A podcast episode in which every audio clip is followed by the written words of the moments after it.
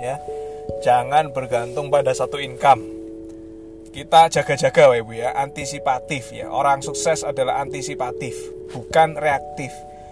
Antisipatif itu apa? Sebelum terjadi udah siap Bapak Ibu. Itu antisipatif ya. Kalau reaktif itu sudah terjadi ya baru ya mempersiapkan diri terlambat Bapak Ibu ya.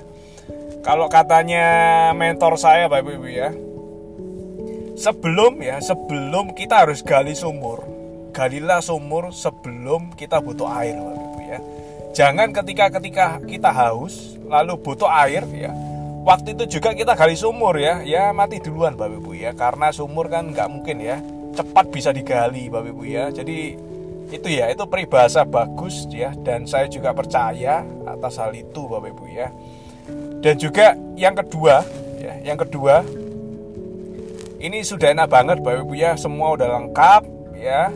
Dan online bisnis itu bagus banget karena basicnya digital. Kita nggak perlu ya mikirin yang banyak hal ya.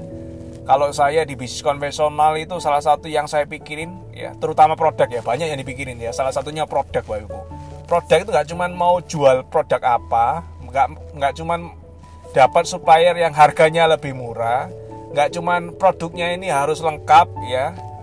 Jadi merek-mereknya harus lengkap tipenya harus lengkap. Nggak cuman itu bapak ibu. Tapi juga kita harus mikirin ya ada yang namanya produk roadmap ya. Produk roadmap ya.